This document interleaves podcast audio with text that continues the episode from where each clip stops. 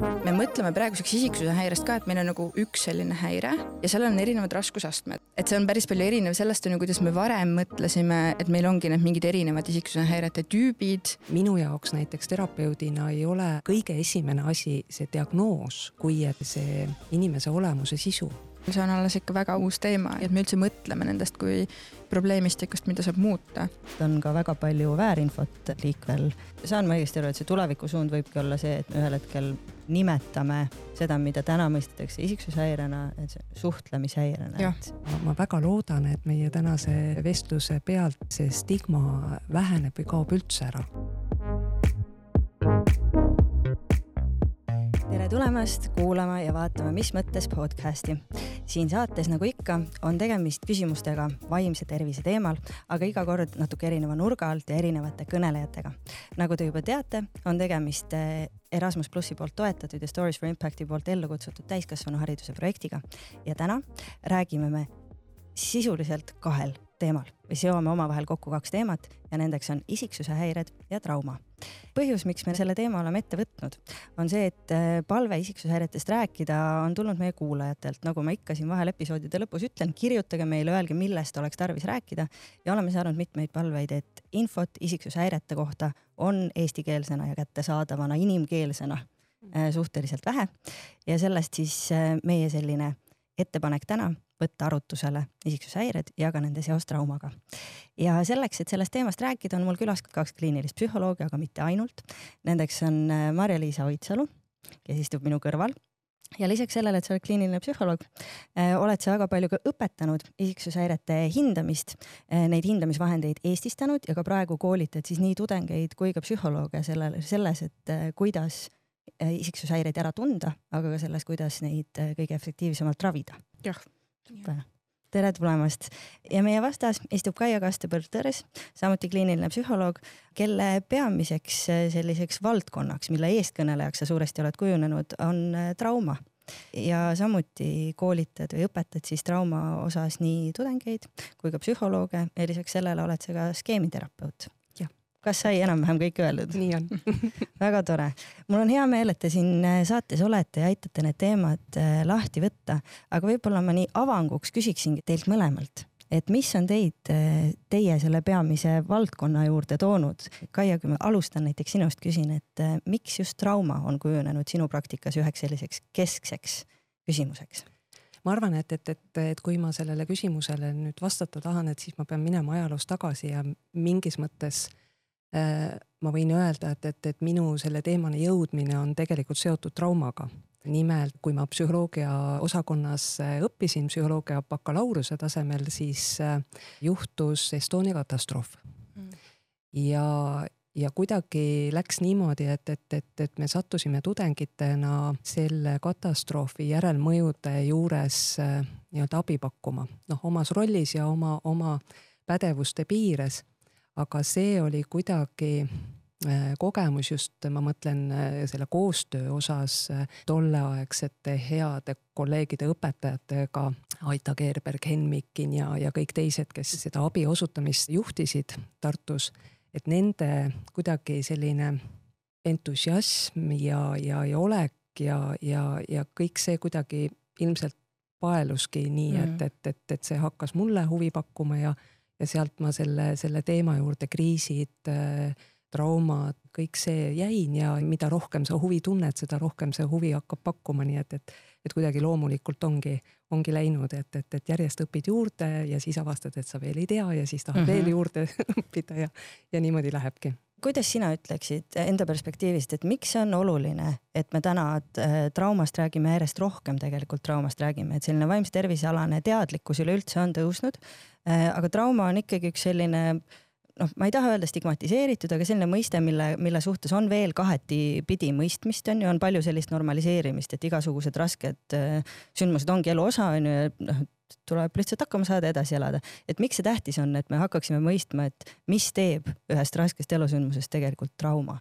et tõesti ju nii ongi, et, et traumad on reaalsed sündmused, et, et siin ei ole midagi seost sellega, et, et, et noh, ma kasutan nüüd natukene sellist kõnekeelset väljendit, et me mõtleme midagi välja või et mm, -hmm. et me tajume midagi, see on, see on objektiivne sündmus, millele inimene reageerib kuidagi.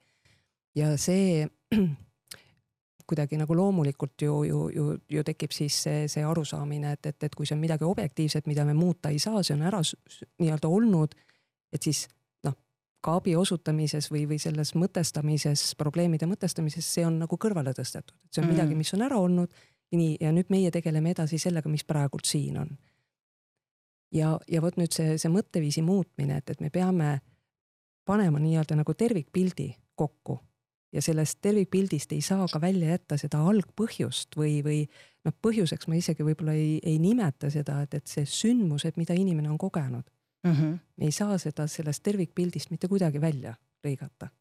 kuidas see mõjutab, missuguseid reaktsioone, missuguseid tagajärgi see tekitab, see on nüüd hoopis selline noh, meie tänase teema peale mõeldes ka nagu äh, paljude nüansside ja paljude võimaluste maa nii-öelda aga ta on objektiivne tegur inimese kujunemises mm. -hmm. ka see, mida ta on kogenud üleüldse ja sealhulgas ka traumasündmused. selline nagu, nagu vaatenurga muutus annab meile tegelikult äh, nagu terviklikuma pildi inimesest, tema olemusest. ja kui me mõtleme psühholoogidena abistamise peale, et, et siis see annab ka hästi olulise sisendi äh, abistamisel, et, et millega me arvestama peame. kui ma väga niimoodi võib-olla lihtsustan praegult kokku, et, et kui, kui inimesel on mingisugused sümptomid, et siis mis selle sümptomi tähendus on. just. trauma ei ole nii-öelda üks-ühele, kindlasti mitte, aga, aga see, see annab äh, selle, vahel annab konteksti, vahel annab nagu otsese tähenduse sümptomitele, aga ta seal on oluline tegur, me peame sellega mm -hmm. arvestama.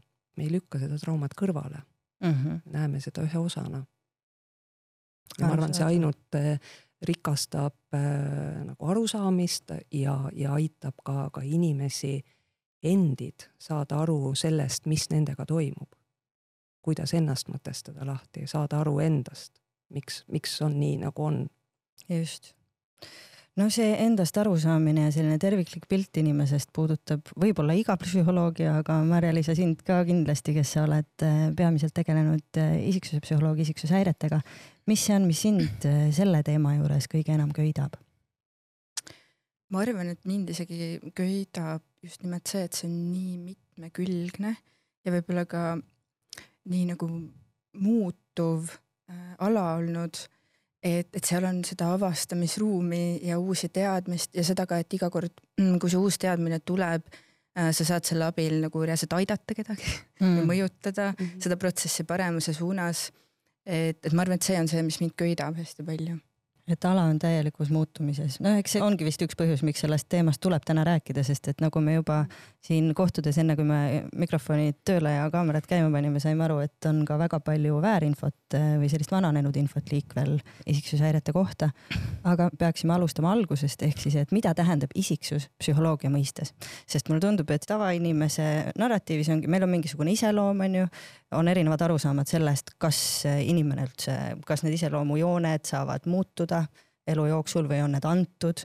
nagu ma aru saan, siis ka isiksuse psühholoogias on väga palju erinevaid selliseid koolkondi, erinevaid arusaami. aga mida ütleksid sina, Mari-Liisa, mis on isiksus? meil ei ole nagu psühholoogidena üle maailma olnud väga pikka aega konsensust selles osas, mis on isiksus ja ma tahaks öelda, et me natuke jõuame praegu või liigume sinna suunas, et me enam-vähem hakkame jõudma ühte kohta hmm.. et aga ma võib-olla siis info mõttes peaks oluliseks välja tuua seda, et esiteks ma alustan ka sellest klauslist, et kõigil inimestel on isiksus. see vahest on üllatus, sest tavakeeles me kasutame ju vahest seda sõna isiksus nagu selliste väga silmapaistvate mingite mm. omaduste või, või eriliste inimeste kohta justkui, et, et tegelikult kõikidel inimestel on isiksus ja, ja seetõttu see on ilmselt ka uurijaid ja, ja kliinitsist huvitanud äh, väga pika aja jooksul, aga et seda isiksust on tegelikult uuritud nagu kahte erinevat suunda pidi. Et üks selline äh, viis, kuidas teadus äh, on isiksust uurinud, on nende just nagu isiksuse äh, joonte kaudu, mille abil me kirjeldame seda, kuidas me üksteisest erineme. Mm.. ehk siis algselt ikkagi hakati hästi palju uurima nagu seda, et me, me nii-öelda paneme terve suure hulga inimesi kirjeldama ennast ja siis vaatame, et mis need ühisosad on, et mis omadused on nagu kõigil inimestel ja et kas me selle abil saame siis kuidagi aru, et näed, et, et mõndadel inimestel on seda omadust rohkem ja mõndadel on seda vähem. et, et see on see, kust tulevad need meie isiksuse jooned on ju, mida me kõik teame, et meil on need introvertsused, ekstravertsused ja neurootilisused ja muu selline, et, et see tegelikult tuleb sellest nagu inimestevaheliste erinevuste kirjeldamise traditsioonist ja seal kõrval on siis nii-öelda see, millega võib-olla kliinilised psühholoogid või terapeudid on rohkem tegelenud, mis on see nii-öelda üksikisiku kirjeldamine mm. -hmm. aga et need omadused on ju, millega me üksikisik või kirjeldame inimestevahelisi erinevusi, ei pruugi üldse olla need omadused, mis kõige paremini aitavad meil nagu seda ühte inimest kirjeldada, kui me teda nagu eraldi vaatame. ja selles kontekstis me tegelikult mõtleme isiksusest kui, kui nagu sellest suurest protsessist mille kaudu inimene üldse nagu tõlgendab seda infot, mida ta saab välismaailmast, mingite sündmuste kohta, aga ka iseenda seest mm -hmm. ja kuidas ta seda oma peas nii-öelda siis organiseerib ja, ja kasutab selleks, et teha mingeid otsuseid selle kohta, et kuidas ma siis käitun või mida ma edasi teen.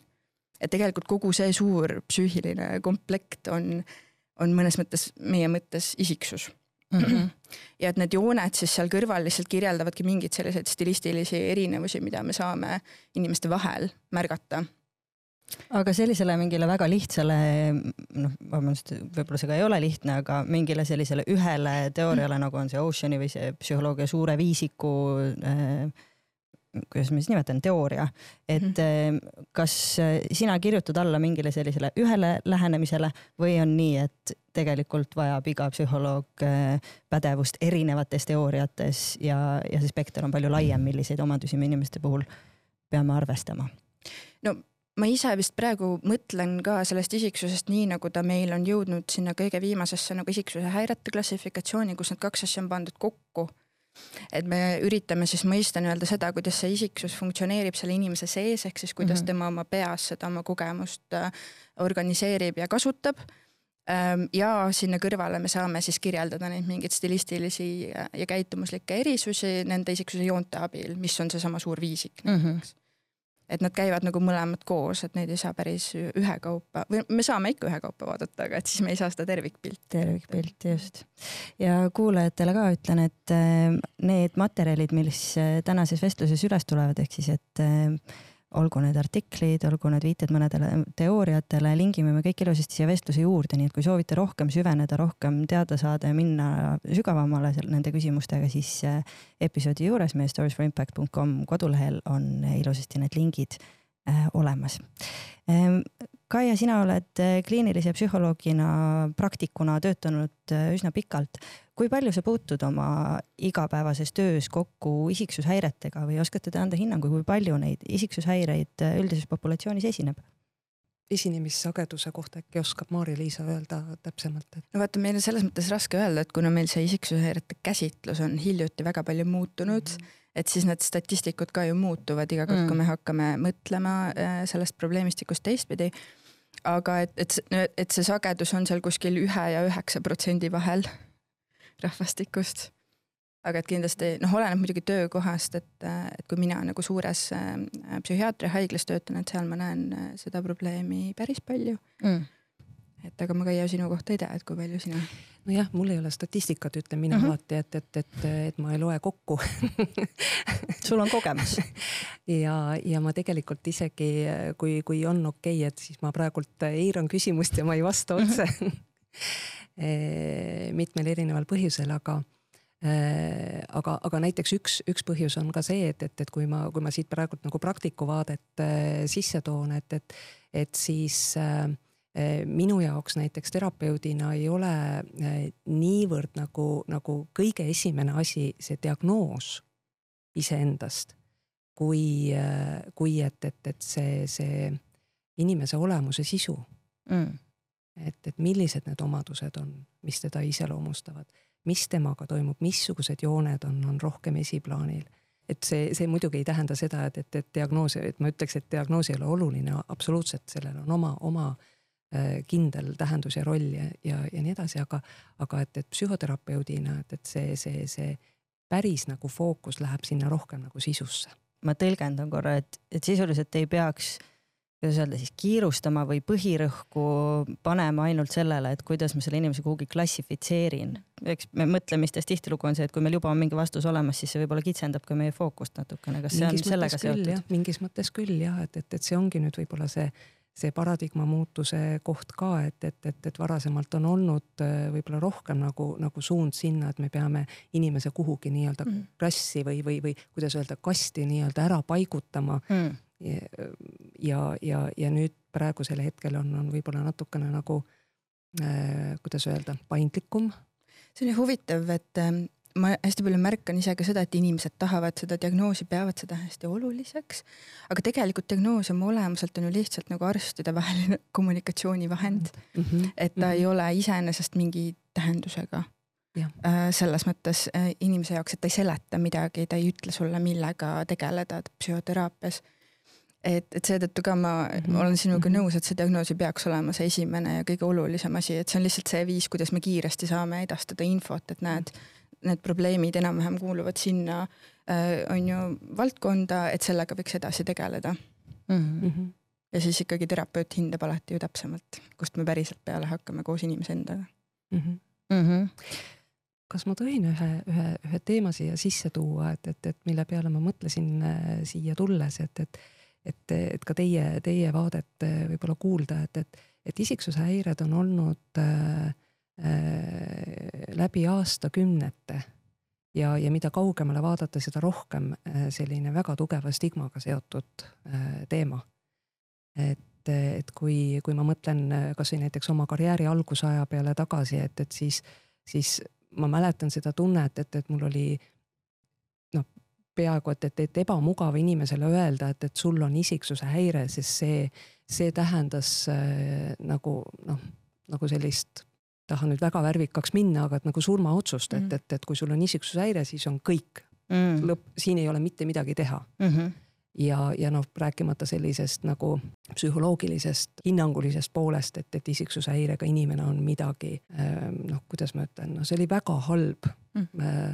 Kas halb... ennekõike sellepärast, et seda talu, tajutakse siis kuidagi muutumatuna või noh, et mulle tundub selle isiksuse mõiste juures, nagu ma ka enne mainisin, on ju, on nii palju sellist tunnet, et see on antud, noh, inimene lihtsalt on mingit moodi ja kui sulle öeldakse, et sul on isiksushäire, ehk siis sa mitte lihtsalt ei ole mingit moodi, vaid just. sa oled valesti. et siis just. nagu see oleks mingi hästi lõplik kategooria kuidagi. just, just mm, -hmm. just, vot, vot täpselt. et sul ei ole probleemi, on ju, vaid sinul inimesena tervikuna on midagi viga mm. -hmm. et sina oledki probleem, et, et vot see stigma tähendus oligi, et, et kui sul on isiksushäire diagnoos, siis sina oledki probleem mm.. no pluss lisaks isikus... see on ju, et me ei osanud või seda ei osatud ju ravida või ja, aidata kuidagimoodi väga pikka aega.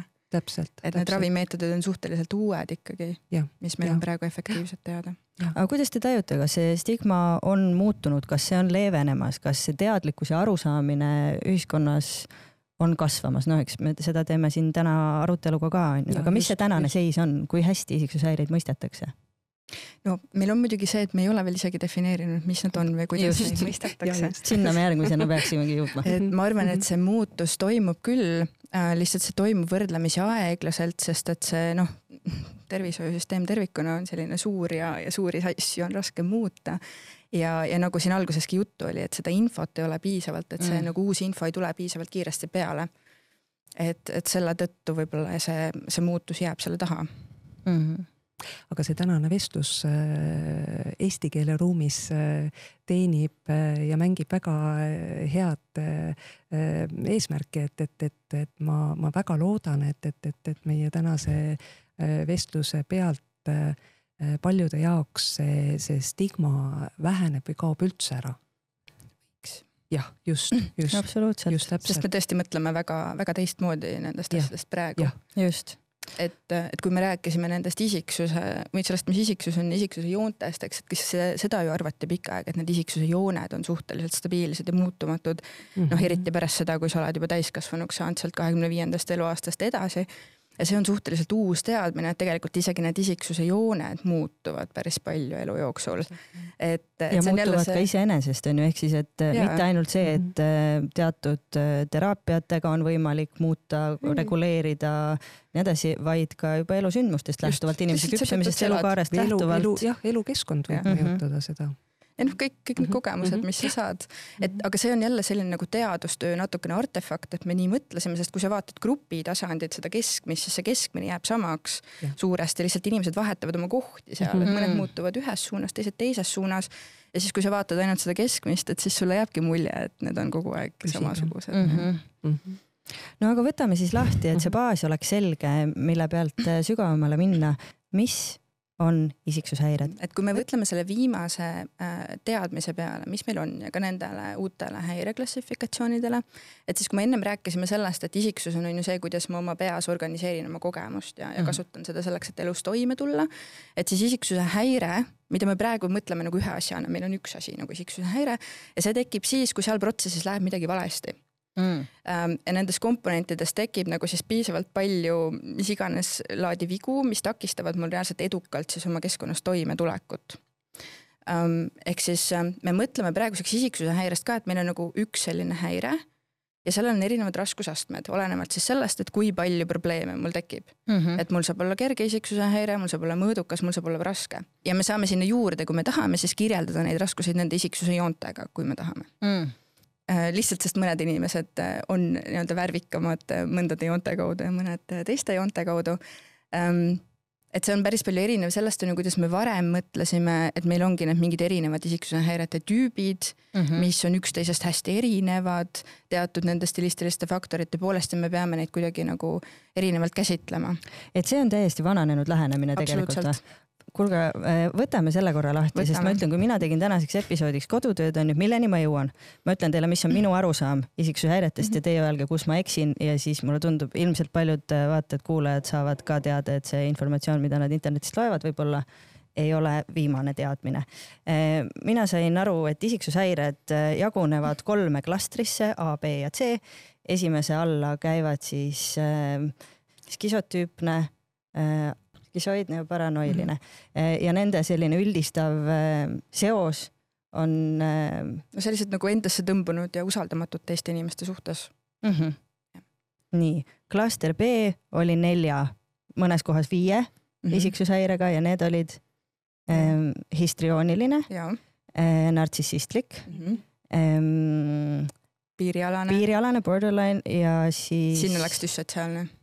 düssotsiaalne, just sellised Nende... nagu emotsionaalselt reaktiivsed mm. -hmm. emotsionaalselt Inimesed. reaktiivsed, et ühendav joon on ka hästi tugev ebakindlus. et tegemist on sarnase häire nagu erinevate raskusastmetega põhimõtteliselt ja mm. et siin on hästi palju tegemist sellega, et histrioonilist diagnoositakse rohkem naistel äh,, nartsissistlikku meestel ja see tegelikult on kõik seotud hästi sellega, et kuidas me soorolle, mis meie ja, ootused ja. erinevatele sugudele üldse on, onju. ehk see, et sisuliselt võiks neid nelja vaadata ka nagu üht asja, lihtsalt erineva avaldumise ast-, astmega ja erinevatel sugudel mm. -hmm. see on, see on see, on see vana teadmine, mis meil oli jah. Mm -hmm. ja C ehm, klastrisse käisid meil siis, seal olid meil vältivad mm -hmm. isiksushäired ja need on. sõltuv, vältiv, anakastne mm. -hmm. anakastne, mida nimetatakse ka obsessiivkompulsiivseks. Ameerika süsteemis jah just, ehk siis, et kui kuulaja-vaataja mõtleb või mõtestab neid isiksushäireid praegu esimest korda, siis nagu te aru saate, see spekter on, on hästi lai mm. -hmm. et ongi, mitu me siit siis kokku lugesime, üheksa, ei rohkem. rohkem. kolm, kolm ja neli see on kümme. ehk siis siin on just kümme erinevat isiksushäiret, mida mingite ühiste tunnuste alusel jagatakse sellistesse klastritesse onju. miks selline käsitlus täna enam ei päde? ma ei tea, kui hästi ta üldse tegelikult kunagi pädes, et see käsitlus põhines klinitsistide muljetel sellest, kui nad töötasid äh, patsientidega mm. -hmm ja, ja kui neid, neid muljeid siis nii-öelda hakati teaduslikult uurima seal kaheksakümnendatel, üheksakümnendatel, et see suht kiiresti tuli tegelikult välja, et, et ega andmetes ei, ei eristu selliseid nagu eristuvaid klastreid.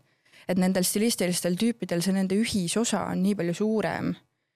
et, et need erisused on nii palju väiksed, et nad tegelikult ei, noh, me ei saa neid niimoodi jagada hmm ja, ja ma arvan, et see on natukene kinni selles, et meil inimestena nagu meie aju töötab kuidagi nii, et meile meeldib nagu lahterdada ja meile just, meeldib lihtsalt nagu mõelda, et näed, see on mingi nartsissist mm -hmm. ja see on düssotsiaal ja meil on nagu lihtne niimoodi rääkida mm. -hmm. aga jälle, et kui ma nagu kliinitsistina või praktikas mõtlen nende inimestega töötamise peale, et siis mind ei abista nagu kuidagi see, et ma kohtlen ühte või ühe nii-öelda siis häirega inimest kuidagi väga teistmoodi kui teist, et, et põhiprobleemid on sarnased ikkagi mm.. ja see on see, mida see praegune süsteem üritab edasi anda, et, et seesama üks häirumine, need põhiprobleemid nagu iseendaga toimetulekus ja suhtlemises on nagu neil noh, sarnased, lihtsalt olenevalt sellest, kui mõnel on ühte isiksuse joont rohkem ja teisel teist isiksuse joont võib-olla vähem, et siis need võivad olla natuke erineva värviga äh, või natuke rohkem või vähem väljendunud, aga et, et see põhituum on sama mm. -hmm no kliendi slaš patsiendina, kes ma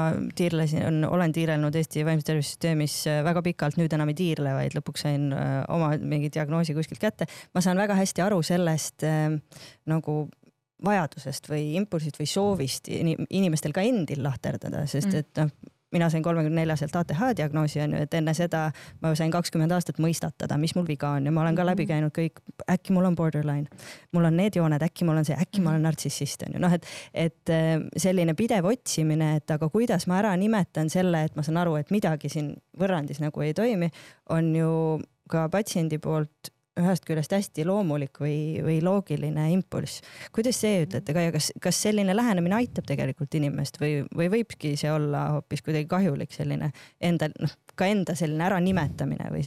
nojah, vot siin tulebki nagu selline mõistlik äh, kuidagi kompromiss leida, et, et, et, et, et ühtepidi meil on tõesti vaja noh, tõesti mis tahes eluvaldkondades me tahame saada aru, kuidas asjad käivad ja, ja selline rühmitamine ja nimetamine aitab meil kogu selles infotulvas kuidagi äh, nagu joont hoida, nii et, et, et siin diagnoosimaailmas on täpselt sama lugu, et, et, et inimesed tahavad aru saada mm, -hmm. äh, mis nendega on.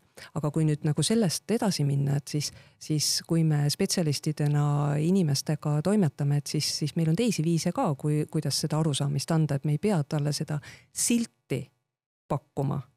me saame anda talle seletuse. me saame temaga rääkida lahti mm, -hmm. mis sinuga on mida see tähendab, miks niimoodi on mm. -hmm. ja, ja sealt tekib samamoodi see arusaamine, nii et mm, -hmm. et tingimata ei ole vaja neid rühmi või, või, või, või, või, või, või väga nii-öelda konkreetseid silte selleks, et, et, et inimesel aidata ennast aru saada jah, ma mõtlen, kui nagu diagnoosimaailmas ka, et siis meil võib-olla on vaja astuda see samm tagasi ja küsida, et kas see diagnoos aitab.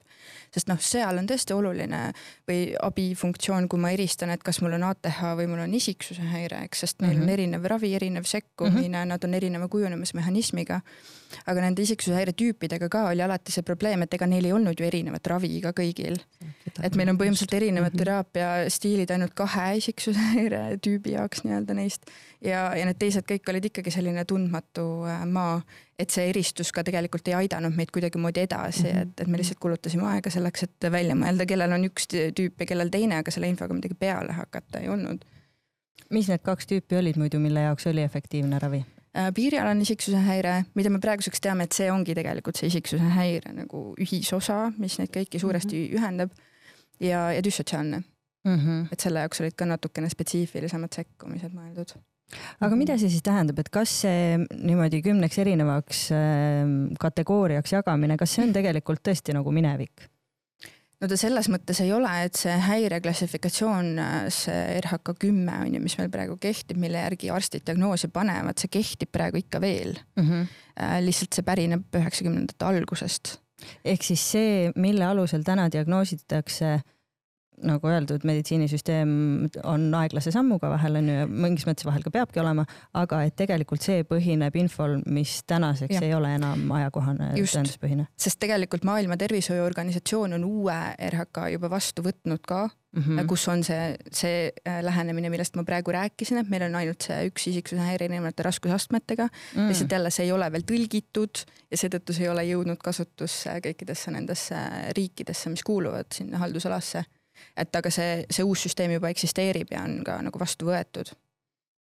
et, et see on see, mis ma räägin aegluse all, et, et see võtab veel mõnda aega, enne kui see päriselt jõuab meie töösse mm. -hmm. ma jään korra, vabandust, ma jään korra mõtlema mm -hmm. lihtsalt reaalselt selle peale, sest et äh, aga ütleme nii, et meie nagu oma töös psühholoogidena ikkagi üritame kasutada neid uusi lähenemisi, nii nagu nad tulevad. just nimelt sellepärast, mida Kaia ütleb, et see diagnoos või ei suun- või ei määra meie tööd, et me töötame ikkagi inimesega mm -hmm. ja nende probleemidega, mis tal on, et meie saame võtta need uued teadmised kasutusse ju varem Mm -hmm. lihtsalt arstid peavad need diagnoosid jälle panema selle süsteemi järgi, mis kehtib, et sealt tekib natukene see, see. mingid käärid tekivad sisse on ju, et inimene võib tulla mingi diagnoosiga, mis noh, sina praktikuna juba tead, et mm. -hmm. traumamaailmast on, on väga ilmne näide sellest, eh, kuidas praegult uus ja vana, vana diagnostikamaailm nii-öelda kokku põrkub, on, on näide kompleks PTSD diagnoosi näol, kus siis varasemates nii DSM-i kui, kui, kui RHK versioonides see, see kompleks trauma järgne häire diagnoosina otsesõnu puudus mm. -hmm. ja nüüd selles uues RHK üheteistkümnes on ta, on ta sees ja tulemas. terminina me juba, juba tegelikult praktikutena kasutame ja ta on pildil, aga et, et ametlikus diagnoosimaailmas äh, me teda veel kasutada ei saa. ja, ja ilmselt need inimesed on ju, on saanudki selle probleemistiku tähistamiseks mingeid erinevaid äh, diagnoose, mis ei peegelda ja. seda päris ja. probleemi.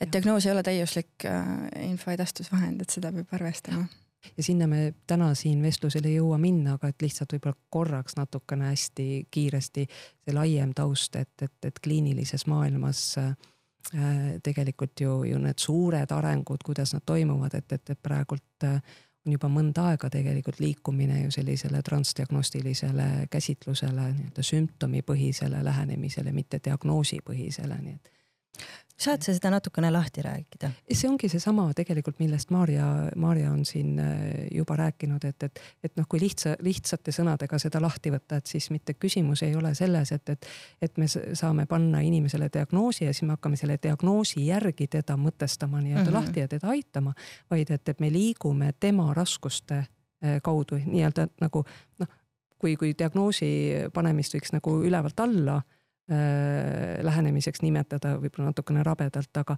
aga et siis see, see transdiagnostiline tähendaks alt üles, ehk siis, et ma võtan inimese, küsin, mis on sinu raskused mm. -hmm. kaardistan ära need raskused ehk siis sümptomid mm -hmm. ja, ja töötan nendega mm. -hmm. ma pean niimoodi natukene uurima, sest et noh, mina saan viidata ainult on ju enda kogemusele, mida ma üritan siin saates mitte liiga palju teha, aga selle koha pealt mul on justkui hea selline ühenduspunkt on ju, et äh, sest et needsamad rollid, millest me räägime ka isiksushäirete puhul on ju näiteks soorollid, kuidas mõjutavad äh, seda, mida me üldse peame probleemseks inimese käitumise juures, mida inimene enda juures peab probleemseks ja nii edasi, onju.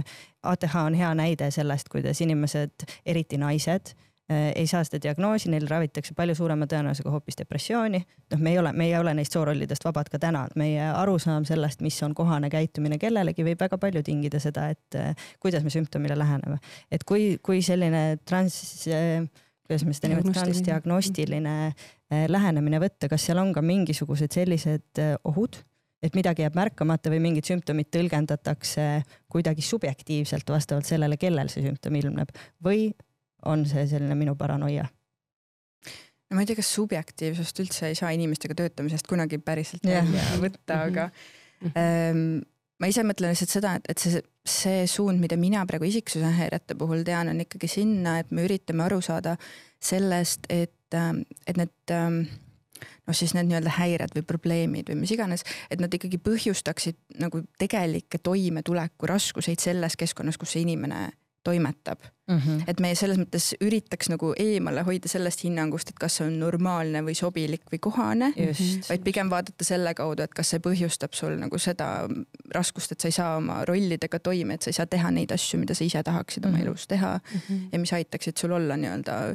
hommikul voodist püsti tõusta ja, ja hakata oma elu elama mm. -hmm. nojah, sest isiksuse kirjelduse juures, nii palju kui ma aru saan, mõte on ju ka selles, nii nagu paljude psüühikahäirete puhul, et neid justkui sümptomeid esineb väga paljudel inimestel on ju, mm. meil kõigil on, meil kõigil on, nagu sa ütlesid, isiksus mm, -hmm. meil kõigil avaldub ta natukene erinevalt, on mingisugused jooned, mis on tugevamalt avaldunud, nii edasi. kliinilist sellist tähelepanu vajab see ainult sellisel juhul, kui see kujuneb inimese enda jaoks probleemiks, mitte see, et me tingimata üritame õudselt ära normeerida, et on normaalne isiksus ja siis on need kümme protsenti, kellel on kõrvalekalle erinevates suundades, vaid mhm. et et sümptom on probleem siis, kui ta on inimese enda jaoks probleem. kas see on? tekitab probleeme. kui mm -hmm. tekitab probleeme jah. ja, ja ikkagi Sest... sellisel määral on ju, et ma ei tule oma eluga toime. sest no just, kui me mõtleme isiksuse häire sisu peale, siis seal on ju sellised valdkonnad on ju, et, et ma ei tea, kuidas ma aru saan iseendast, et milline inimene ma olen või mis mu enesehinnang on või kuidas ma eesmärke sean, et muidugi meil kõigil on raskuseid vahepeal nendes valdkondades mm. -hmm. Et aga see häireks ikkagi muutub jah siis, kui see nagu päriselt viibki selleni, et, et ma ei suuda endale töökohta leida seda töökohta pidada ja mm, -hmm. ja iga päev vahetan või üritan töökohta vahetada, sest ma iga hommik ärkan ja mõtlen endast erinevalt et. et need raskused ei ole mitte hetkes ainult, vaid et, et, et nad on teatava regulaarsusega või, või, või. jah, ja ikkagi mm -hmm. piisavalt äärmuslikud mm, -hmm, eks, et ja. nad ei, ei võimalda toime tulla eluga mm. -hmm. Mm -hmm. Aga kas see kehtib, et selline nende käitumismustrite või, või impulsside selline rigiidsus, et igal inimesel on mingis olukorras kohane vihastada, on ju, küsimus ongi, et millal see on mhm. reguleerimatu mm -hmm. või et, et isiksushäire on ta juhul, kui inimene ei ole võimeline neid äh, käitumisi reguleerima vastavalt konkreetsele olukorrale, vaid need on nagu pervasiivsed. kas see on nagu adekvaatne arusaam või on siin ka midagi mööda? Ei, see on adekvaatne arusaam, see võib-olla ei ole päris kogu see pilt, aga mhm. -huh. aga ma ei tea, mina nagu ise äh, mõtlengi või seletan sageli siksuse häiret selle kaudu, et vaata meie pea on tohutult nagu loominguline ja, ja paindlik ja me kõik oleme mõnes mõttes, kes me siin istume täna disainitud ellujäämise jaoks, et ega need isiksuse häirelumased käitumisviisid ei ole ka nagu niisama tekkinud mm.. et nad on ikkagi olnud mingis ajahetkes kuskil keskkonnas kasulikud sellele inimesele mm. -hmm. lihtsalt see muutubki probleemiks siis, et kui ma satun teise keskkonda või jälle elu muutub, on ju, tingimused muutuvad, et ma mingil põhjusel ei suuda nii-öelda ümber õppida ja hakata teistmoodi käituma, vaid ma kasutan neid samu strateegiaid edasi, aga nad selles uues olukorras või keskkonnas enam ei toimi mm. -hmm. aga et ma ei suuda nii-öelda ümber orienteeruda ja valida siis mingit muud käitumisviisi, mis oleks efektiivsem mm. -hmm ja vot siin, siin tegelikult tekib nagu selline kokkupuutepunkt äh, traumaga ka mm. -hmm. et, äh, et see, kus äh, sellised mittetoimivad, noh, nimetame need praegult niimoodi, et, et on toimivad toimetulekustrateegiad toimivad toimetulekustrateegiad ja mitte toimivad toimetulekustrateegiad aga kui tõsiselt, et, et siis äh, need noh, see keskkond, ütleme suhete mõttes eelkõige, et, et, et kus, kus inimesel on olnud vaja äh, selliseid mittefunktsionaalseid äh, hakkamasaamise viise mm, -hmm. on, on reeglina ju traumeeriv äh, oma, oma olemuselt, traumaatiline tähendab. toksiline, nagu me ütleme, toksilised suhted ja toksilistes suhetes nii-öelda ellujäämiseks inimene noh, lapsed mitte mõeldes ja mitte kavandades, et nüüd ma hakkan toime tulema, vaid, vaid spontaanselt selles olukorras kujunevad välja viisid, mis aitavad nendes keerulistes toksilistes suhetes äh, tal, tal elus püsida sõna otseses mõttes. ja, ja nüüd, kui ta nendest toksilistest suhetest nii-öelda eemaldub, läheb oma elu peale kujundlikult või otseselt ka öeldes, et, et siis, siis need strateegiad äh, ei ole enam vajalikud mm. -hmm. aga et, et iva on just nagu, nagu tuum on just selles, et, et, et, et mingisuguses kontekstis on, on sellel käitumisel näiteks eemaldumine, et, et, et nagu me ennem rääkisime nendest rühmadest, käis läbi märksõna endasse tõmbunud, et, et see endasse tõmbumine võib olla väga oluline kaitsereaktsioon mingis olukorras mm. -hmm et, et seda ei saa ka kuidagi nagu eirata, et, et, et selleks, et sa ellu jääksid, sa peadki omandama sellise viisi mm. -hmm. aga jah, et, et, et see ei ole, ei ole sobi-, noh, sobilik on ka mitte hea sõna. kohane, kohane, selles jah. olukorras kohane või vajalik ja me ei mõtle, me ei mõtle kõlbeliselt kohane, vaid me just, mõtleme, et noh, asjakohane põhimõtteliselt. vajalik mm -hmm. inimesele. jah, et see on selles mõttes lihtsalt hästi oluline koht nagu mõista ja rõhutada, et, et see läheb just vastuollu sellesama tundega, et ma olen valesti. et tegelikult ja. ei ole, sa, sa tegid kõik õigesti, et selles olukorras ellu jääda. lihtsalt see olukord läks üle mm. ja siis need käitumismustrid enam ei pruugi olla väga kasulikud. jah mm.. just, just aga tuleme siit äh, trauma juurde, et äh, sa praegu sõnastasid sellega niimoodi ääri-veeri potentsiaalselt ka näiteks suhtena, toksilise suhtena, kus meil kujunevad mingid mustrid. mulle tundub tihti me oleme harjunud võib-olla traumast mõtlema ikkagi kui mingist konkreetsest sündmusest ja siis mm -hmm. selle mõjust kui järgnevast reaktsioonist mm. -hmm. kas ma saan õigesti aru, et trauma, noh, et see mõiste saab olla nii palju laiem, et seda saab üldistada näiteks suhtena onju? jah on levinud äh, ingliskeelses äh, psühholoogia ruumis või, või laiemalt ka, on levinud terminid big T ja, ja small T. ehk siis, et, et kui, kui rabedalt otse tõlkida, et siis on nii-öelda suure, suure T traumad ja väikse T traumad. et siin selle, selle eristuse mõte ongi just selles, et, et, et need suured teed, suured traumad on, on, on nagu määratletavad, piiritletavad sündmused, katastroof, õnnetus mm, -hmm. ka sõda ja mm -hmm. nii edasi. ja siis on see small t ehk siis see, mida, mida me võib-olla niimoodi nagu hetkes nagu ära raamistada ei, ei saagi võib-olla mõnikord. ehk siis see, see on seesama kasvukeskkond mm.. et kui, kui, kui laps kasvab üles näiteks äh, verbaalse vägivalla kontekstis Äh, ja, ja ta saab näiteks täiskasvanuks ja ta käest küsida, et, et nii, kas sul on olnud traumasid, siis ta, ma julgeks öelda üheksakümmend üheksa koma üheksa protsenti ütleb, et ei mm.. sest mul ei ole juhtunud midagi. sest mõeldaksegi ainult sündmusepõhiselt, jah? jah, just mm. -hmm. aga, aga see, mida, mida, mis, mis tegelikult äh, on toimunud, on, on olnud pidev traumaatiline keskkond ja noh, tihtipeale seda nimetataksegi toksiliseks keskkonnaks või toksiliseks suhteks, sest seal on toimunud midagi, mis on inimese, lapse vajadustega väga selgelt vastuolus mm. -hmm. verbaalne vägivald, füüsiline vägivald, hüljatus, hüljatus veel enam, emotsionaalne hüljatus, midagi, mida, mida mm, määratleda või, või, või, või, või, või nii-öelda näppu peale panna on hästi keeruline mm. -hmm kui me saaksime kõrvalt vaadata nii-öelda perekonna toimimist, äh, siis, siis meil oleks seda, seda võib-olla isegi lihtne märgata. kui me saaks olla seal nagu, nagu noh, ma ei tea. sääsk sein, jah, kärbes mm. seina peal ja jälgida, kuidas, kuidas see igapäevaelu korraldus käib, aga, aga kui meil seda võimalust ei ole ja, ja noh, reegli noh, me, kui me inimestega töötame, siis me küsime nende endi käest, siis hüljatuse kogemust tuvastada on, on ääretult keeruline aga tagajärjed sellel on väga invasiivsed, väga suured mm. -hmm. sest suure, suur osa vajadustest, emotsionaalset vajadustest jääb äh, vastamata mm. -hmm. ja selle pealt kujunevadki välja sellised mittetoimivad strateegiad, nii nagu me ennem kohmakalt küll aga nimetasime, mis, mis hakkavad inimese toimetulekut äh, Äh, tavapärases elukorralduses äh, mõjutama. kasvõi seesama usaldamatus, et, et, et, et ma ei oska inimesi usaldada. ma lähen, ma ei tea, kooli, lähen tööle ja mul on keeruline sulanduda suhetesse, inimestega hakkama saada, sest, sest ma ei oska usaldada, mul ei ole mm -hmm. seda, seda kogemust äh, lapsepõlvest kaasas, et, et, et, et kuidas, kuidas mida see usaldus üldse tähendab ja et, et, et kuidas saab üldse inimesi usaldada, et, et et mida selleks on vaja. Kuidas toime tulla sellega, kui, kui mõnikord inimesed käituvad mm, kuidas öelda siis negatiivselt või probleemselt minu suhtes, kui nad unustavad näiteks midagi mm, -hmm. mida nad on mulle lubanud, mis see siis tähendab, kuidas ma sellega hakkama saan, et, et see on kõik imepisikestest äh, tükikestest koos. ja, ja need imepisikesed tükikesed tegelikult toetuvad sellele lapsepõlves toimunud igapäevasele kogemusele mm. -hmm ja et siis sisuliselt võibki kujuneda vastavalt inimesele ja olukorrale see, et äh, nagu sa näite tõid, on ju, noh, et kas ma hakkan selle pärast inimesi vältima või vastupidi, ma hakkan ja. forsseerima neid suhteid selle jaoks, et ja. ennast nende sees kindlaks, kindlalt tunda, eks ju, et kõik need erinevad nagu väljendumislaadid, aga tegelikult mm -hmm. nad võivad kõik johtuda nagu ühest ja samast impulsist, on ju. Mhm. okei aga ma kasutangi võimalust, et äh, kuna me täna selle episoodi niimoodi kokku sidusime, et äh, isiksushäiretest ja traumast äh, koos rääkida.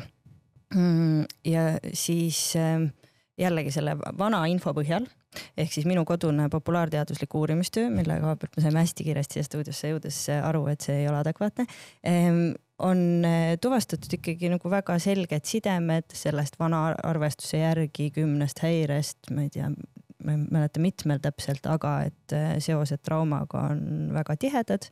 Äh, osade puhul nojah, childhood abuse vist tähendabki mitte ainult, see tähendab igasugust äh, sellist väärkohtlemist, mitte ja. tingimata ja. või ainult seksuaalset, eks ole. Ähm, aga mida ütlete teie, et kui tihedalt traumakogemus ja isiksushäired omavahel seotud on selle kõige viimase teadmise põhjal, mida teadus meile pakub? Ma, ma selles mõttes jätkaks võib-olla natuke seda, kust Kaia juba alustas, et tegelikult see isiksuse häire kujunemismehhanism on täpselt see, nagu Kaia rääkis et kui see nii-öelda laps siis satub sinna keskkonda, kus tema nii-öelda vajadustele ei, süstemaatiliselt pidevalt ei vastata mm. ja ta ei mm. õpi iseendaga toime tulema. aga see sisuliselt saabki minu või noh, nii nagu ma kõige lihtsamalt seda oskan seletada, toimuda nagu kahel viisil. Et üks viis on ikkagi see, et me kõik ju sünnime mingite kaasasündinud omadustega ka mm. -hmm. et mõned meist on juba sündides emotsionaalsemad, ma ei tea, uudishimulikud, reaktiivsemad et, et kuidas see oma, need omadused, millega see laps sündis, sobivad kokku selle keskkonnaga, kuhu ta sündis mm. -hmm. et vahest võib lihtsalt juhtuda ka see, et näiteks laps on oma omadustelt hästi erinev sellest keskkonnast või nendest vanematest, kes, kes tal on mm. -hmm. et võib-olla vanemad on pigem siuksed külmad ja, ja väga nagu vähe emotsionaalsed, aga laps on hästi nagu teisel pool äärmuses hästi emotsionaalne. et ka sellest äh, kombinatsioonist võib tekkida see, et tegelikult selle lapse vajadused jäävad süstemaatiliselt rahuldamata ta ei õpi endaga toime tulema, ilma et seal oleks mingit nagu nagu väärkohtlemist või, või traumat, aga Mm -hmm. aga ka võib-olla seesama selline uudsuse janu on nagu üks selline mm. kaasasündinud omadus, mis meil on. et kui, kui üks osapool on väga sihuke aktiivne, tahaks teha ja vajaks hästi palju tähelepanu ja teised on pigem sellised passiivsed, kes nagu tahavad rutiini ja uudsust väga palju ei kannata, see kohe üle stimuleerib mm.. et siis sellest kombinatsioonist jälle tekib nagu see, et, et võib-olla vanem, kes ei talu, on ju seda uudsust väga palju, et ta ei paku sellele lapsele, kellel oleks seda vaja, piisavalt stimulatsiooni näiteks mm. -hmm. et, et neid kombinatsioone on ja, ja mõnes mõttes see on natukene nagu juhus ka, et, et, et päris palju on ju neid olukordi ka, kus okei okay,, noh, vanemad võib-olla ei suuda pakkuda, aga see laps leiab mingi teise, ma ei tea, sugulase, kellegi teise inimese, kes mm -hmm. seda kompenseerib. et seda situatsiooni saab nagu vältida ka selles mõttes mm, -hmm. aga et, et lihtsalt see oluline osa on siin see, et, et selle nii-öelda kogemuse kujunemiseks, et see inimene ei õpi oma, oma kogemusega toime tulema ja seda nagu endale kasulikul viisil organiseerima, et selleks ei ole tingimata vaja traumat või väärkohtlemist. nõus. aga kindlasti see -hmm. trauma ja väärkohtlemise tagajärjel ka noh, tekib see mm -hmm. kogemus. just mm, -hmm. et, et ei saa panna trauma võrdusmärk isiksuse häire äh,. aga saab panna sinna ja vahele mm. -hmm sest noh, samamoodi ju trauma, traumaatiliste kogemustega, isegi kui need on pikaajalised, et ka seal on võimalik seda nii-öelda isiksuse häireks kujunemist äh, nii-öelda takistada või katkestada, kui seal satubki noh, jälle mingi suhe või mingi teistsugune kogemus, mis kuidagi aitab jah. toime tulla selle traumaga, et ja. meil ei ole, need seosed ei ole nii üks-ühesed võib-olla, kui, kui vahest tundub. ja veel kirjumaks ajades, siis, siis äh, seal on veel üks, üks eraldi nii-öelda koht tekib, et, et et, et teatava eelsoodumusega ja, ja, ja võib noh, ütleme lihtsamalt siis niimoodi, et, et, et kui, kui on juba mingisugused raskused tekkinud, siis, siis tõuseb ka tõenäosus traumadesse sattuda. jah, just. nii et, et trauma võib olla ka, ka tagajärg. kas sa saad sellest natukene lähemalt rääkida? no kui ma niimoodi lihtsalt sõnastan, et, et kui mul on näiteks suhetega keeruline hakkama saada, et, et mul ei ole neid häid strateegiaid mm. -hmm siis on, tõuseb ju automaatselt äh, ka paratamatult äh, tõenäosus, et, et, et ma mingites olukordades äh, võin näiteks sattuda vägivaldsesse suhtesse, sest ma ei oska enda eest võib-olla seista või, või, või, või, või kui enesehinnang veel juurde võtta, et ma arvan, et, et, et ma peangi olema mm, -hmm. leppima kõigega, mis mu eluteele satub. ja, ja tõenäosus, et, et ma võin siis nii, niipidi sattuda vägivaldsesse suhtesse on, on suurem mm. -hmm. et see ei ole mitte lihtsalt selline stereotüüpne arvamus, et eh, inimesed noh, ütleme siis harjumuspärast seda kiindumussuhte mustrit, mille nad lapsepõlvest kaasa saanud on või noh, et see, sellele kirjutate ka teie nagu teaduse põhjal alla, et tegelikult neid valikuid tihtilugu tehakse ka johtuvalt sellest kogemusest. jah, ja ma tahan kindlasti nagu rõhutada seda, et, et, et siit ei jääks kuidagi kellelegi kõlama, et, et, et kui sul on äh, Äh, mingisugune psüühikahäire, et siis sa oled ise süüdi, kui sinuga asjad juhtuvad, et, et mhm. jumala eest ei. et, äh, et see on, see on palju-palju-palju äh, keerulisem kui, kui, kui niimoodi noh, üleüldse see ei ole õige öeldagi. aga et, et see, see ei ole nagu äh, tahtega äh, nagu juhitav äh, mm. enamasti ju, et, et, et.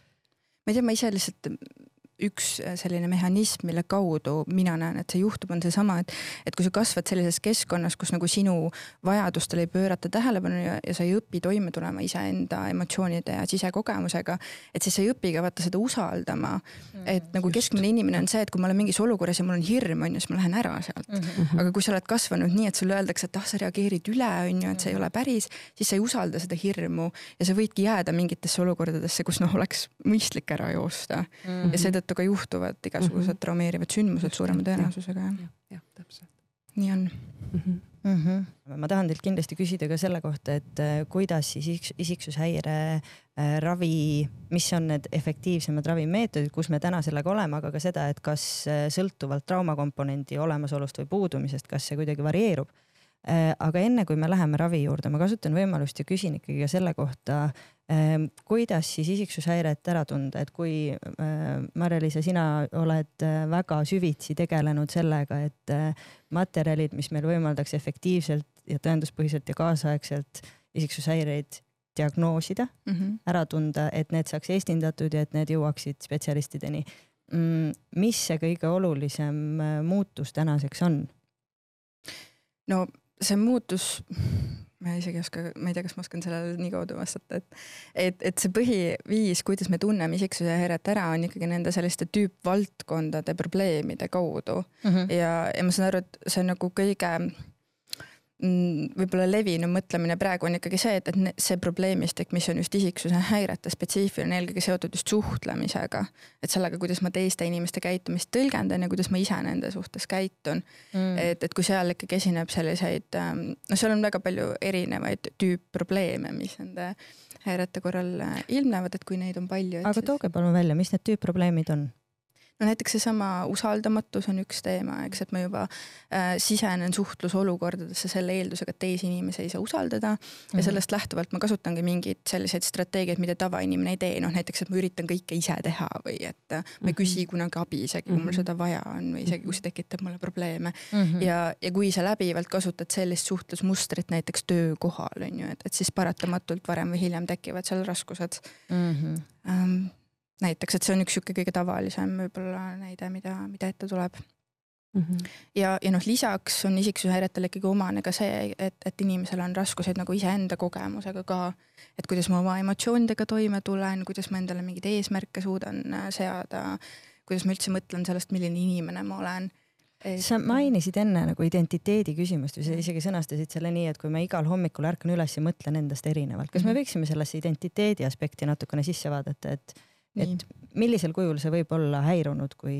kui on tegemist isiksushäirega? noh, identiteedi äh, põhi nii-öelda funktsioon ongi seesama, et, et kui elu on ju muutub, mu elus juhtuvad erinevad sündmused või ongi mu meeleolud muutuvad, et, äh, et selleks, et toime tulla nendega, mul peab olema mingi selline baasarusaam sellest, kes ma inimesena olen mm. -hmm. ja see isegi nagu noh saadab mind ju lapseeast täiskasvanuna, et kui me ise mõtleme kümme aastat tagasi, me kõik ilmselt arvame, me oleme veits teistsugused inimesed, aga ma ikkagi saan aru, et ma põhimõtteliselt olin seesama inimene, et mm. ma olen lihtsalt vahepeal nagu muutunud teatud moel. aga et, et just nende häirete puhul sageli see arusaam sellest enda järjepidevusest kaob ära. et, et, et nad re, nagu nende probleemide puhul see reaktsioon sageli tekib selle pinnalt, nagu iga hetk oleks üksi isolatsioonis Mm -hmm. ja olenevalt sellest, mis emotsioon mul on, ma olen selline inimene, kui ma olen vihane, siis ma olen vihane inimene. kui ma olen rõõmus, siis ma olen rõõmus inimene ja mul ei ole nagu arusaama sellest, et, et ma võib-olla pool tundi tagasi olin see vihane inimene, et see on seesama inimene mm.. ma ei tea, kas see on loogiline. on ja vaata, vaata, mul läheb mõte sealt edasi, et, et, et see, see, mida see kaasa toob, on see, et, et et, et ma muutun niimoodi äh, ka väliskeskkonnast, kus ma parasjagu toimetan, et ma muutun hästi mõjutatavaks sellest, äh, mis, mis sealt äh, nii-öelda väljaspoolt mhm. tuleb, mida teised inimesed minu kohta ütlevad. ja, ja, ja kui see sisend, noh, kui ma, ma olen ise ebakindel ja, ja see sisend hakkab mind noh, nii-öelda pillutama ühele teisele poolele, et siis, siis äh, jällegi, et, et, et, et võib ainult ette kujutada, et, et, et, et kuidas see koormab mind ennast mm.. see tekitab segadust juurde veel ja, ja noh, rääkimata probleemidest, mis tekibki mis, mis tahes mm, -hmm. eks ju, kus iganes need suhted parasjagu toimivad, et, et, et, et seal äh, igasuguseid äh, probleeme võib sinna tekkida, mul juba fantaasia läks väga lendu ja laiali, aga et, et noh, point ongi see, et, et, et see segadus suureneb iseendas veel. Mm ja noh, sealt on ka need suhteprobleemid lihtsalt tulema, et kui sa mhm. enne mainisid, vaata korraks seda, et kuidas toime tulla sellega, et kui ma ei tea, inimene ühe korra ei pea oma lubadusest kinni, eks, et mm, -hmm. et noh, meil enamusel on ju arusaam, et aga ta üldiselt on olnud minu vastu hea, et see, kui ta ühe korra läks sassi, et noh, pole hullu mm. -hmm. aga et kui sa mõtled, et ma reageerin sellele ainult selle hetkena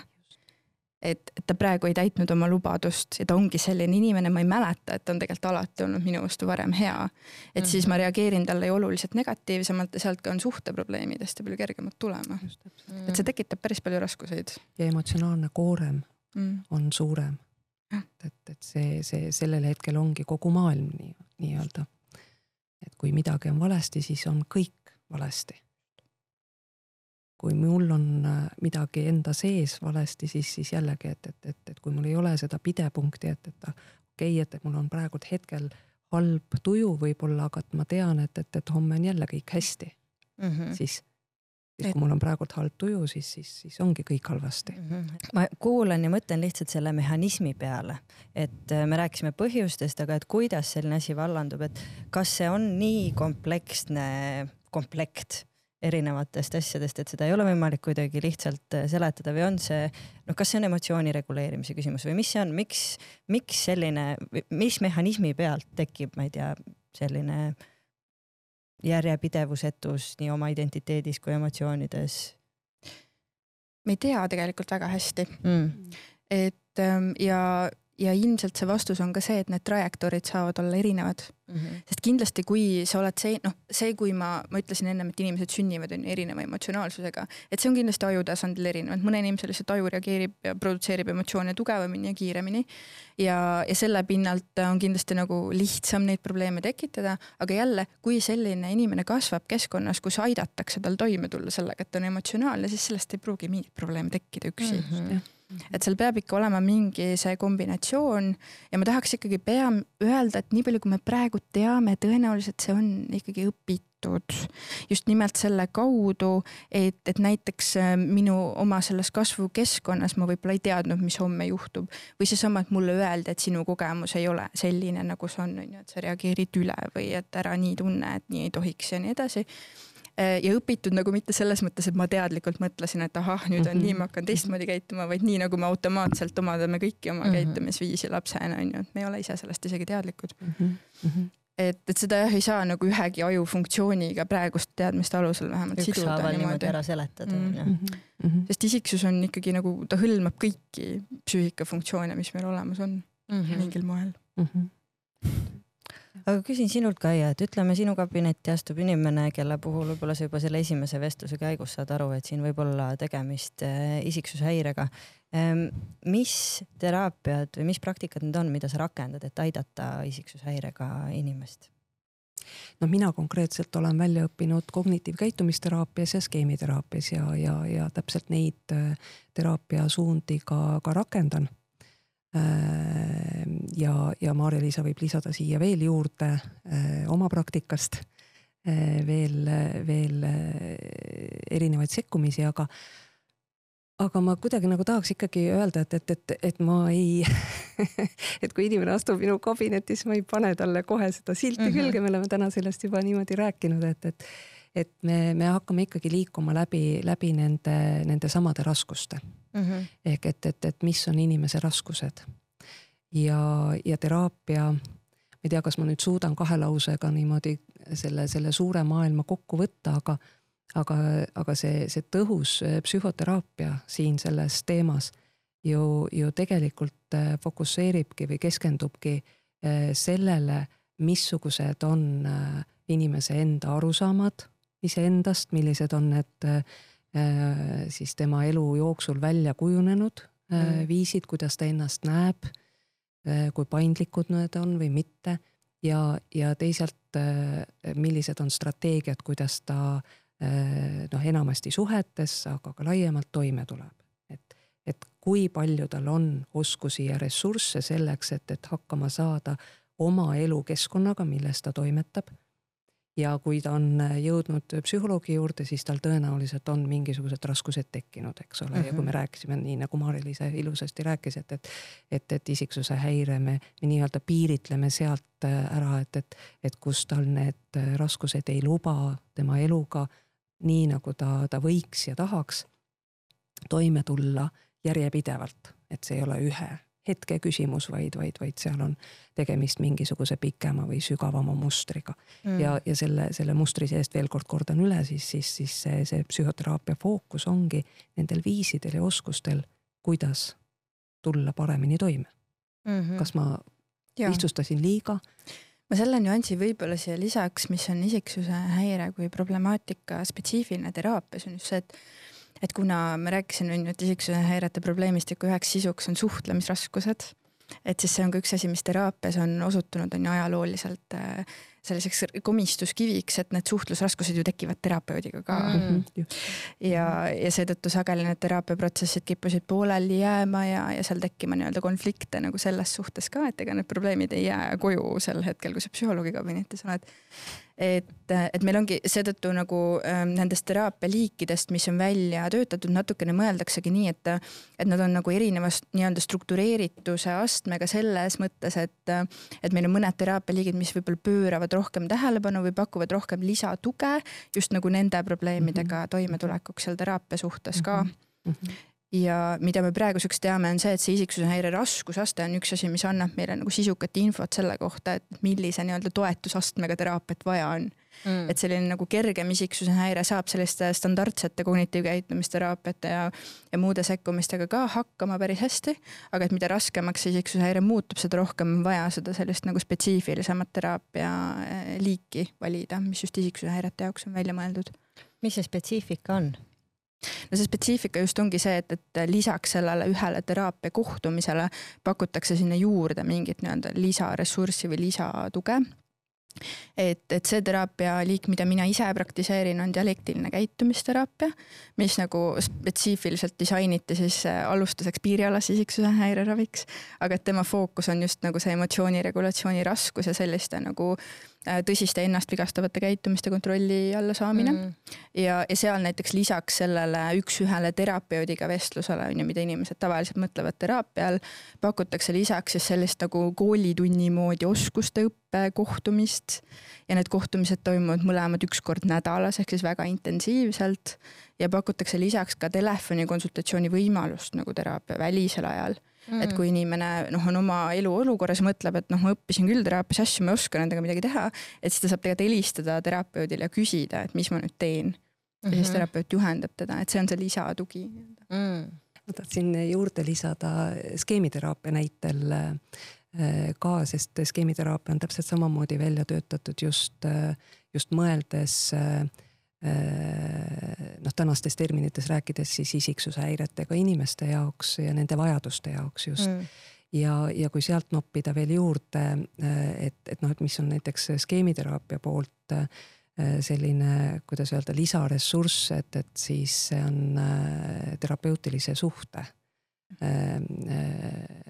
terapeutiline suhe kui, kui korrigeeriv kogemus et mm., et see just, mida Maarja-Liisa nimetas, et, et, et see, see vajaduste, vajaduste hulk on, on, on suurem ja, ja muuhulgas see, mida, mida inimene vajab, on, on, on, on ka korrigeeriv kogemus nendest samadest inimsuhetest ja skeemiteraapias on, on siis äh, nii-öelda sekkumise ühe osana väga teadlikult nii-öelda pildi peale toodud ka seesama suhe, mis, mis teraapiakabinetis toimub, äh, kui, äh, kui, kui üks äh, reaalne kogemus patsiendi jaoks mm., mille sees ta saab õppida, kogeda uusi, teisi enda senistele harjumustele erinevaid viise, kuidas inimsuhetes olla.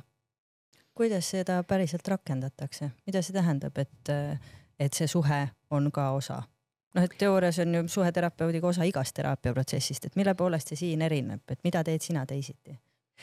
võib-olla kõige lihtsam on, on seda välja joonistada niimoodi, et, et et, et kui, kui Marja-Liisa ütles ka, et, et, et ega need probleemid ju tegelikult teraapia ruumi ukse taha ei jää, mis mm -hmm. on mhm. tõsi, aga et, et nüüd terapeut äh, saab otsustada, et kas ta jätab nad teraapia ukse taha või mitte ehk siis, et, et, et, et, et see terapeutilise suhte pealt töötamine nii-öelda tähendab seda, et, et, et ma, ma terapeudina ei eira neid probleeme.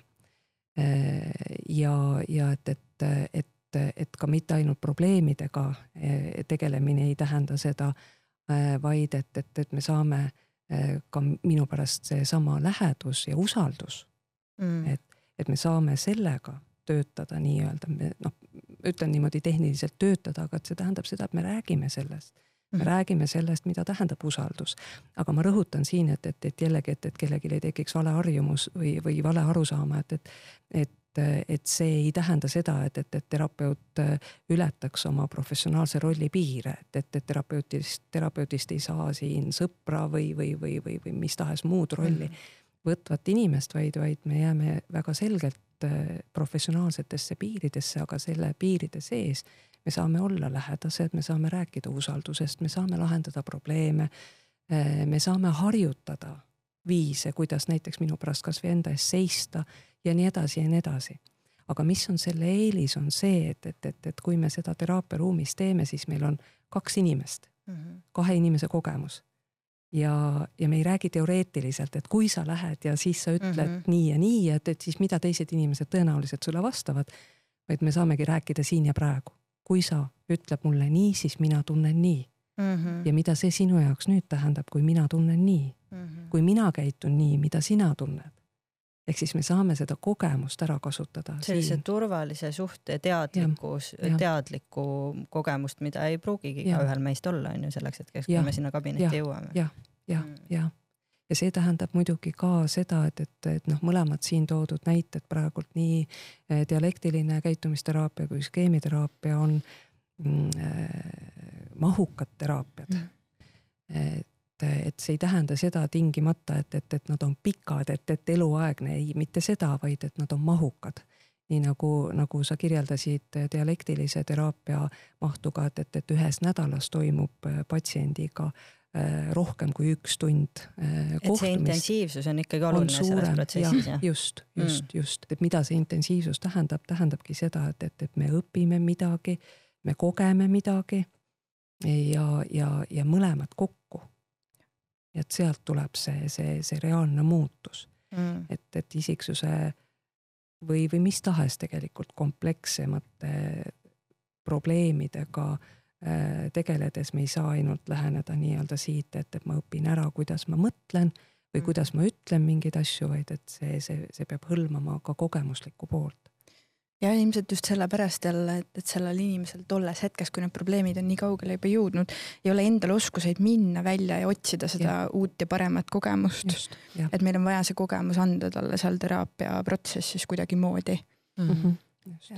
ja seetõttu see ilmselt on ka alguses nii intensiivne Mm -hmm. mis muidugi ei tähenda, on ju seda, et noh, teraapiad on alati piiritletud pikkusega, me ei saa igavesti teraapiat pakkuda äh,. aga see ei tähenda ka seda, et kogu see nii-öelda muutus toimub seal teraapiaprotsessi ajal mm. -hmm. et sageli ikkagi see muutus veel toimub aastaid hiljem edasi, et meie eesmärk on lihtsalt käivitada see protsess mm, -hmm. et inimene hakkaks ise otsima neid teistsuguseid kogemusi ja tal oleks need oskused neid leida mm. -hmm.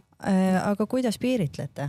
Mm, kui pikalt, ma, ma saan aru, ei ole reeglit, isegi keskmist küsida on nõme, kui me räägime inimeste psühholoogiast onju, aga et äh, isiksushäirete puhul, mis see selline tavaline teraapia vajadus nagu on? no see ilmselt oleneb natuke teraapia koolkonnast mm. -hmm. dialektilisel käitumisteraapial on väga kindlad reeglid.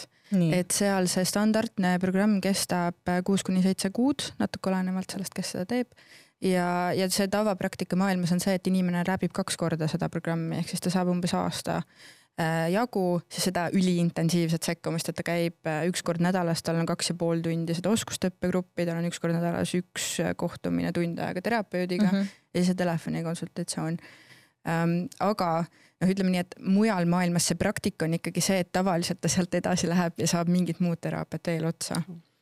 Noh, ütleme mingi aasta-kahe jooksul näiteks mis nagu toetaks siis seda, et ta ikkagi suudab neid oskuseid rakendada. just, just, jah, see rakendamise toetamine on see. jah, mhm. et see on meil Eestis muidugi lonkab natukene. Um, aga jah, et kas see peaks ka olema siis äh, häirespetsiifiline või, äh, või on see nii, et inimene teeb selle äh, käitumus, jah, programmi mm -hmm. läbi ja siis otsib endale lihtsalt kellegi toreda, ma ei tea, psühholoog-nõustaja või kliinilise psühholoogi ja käib temaga niisama, noh. no vot see natuke oleneb sellest.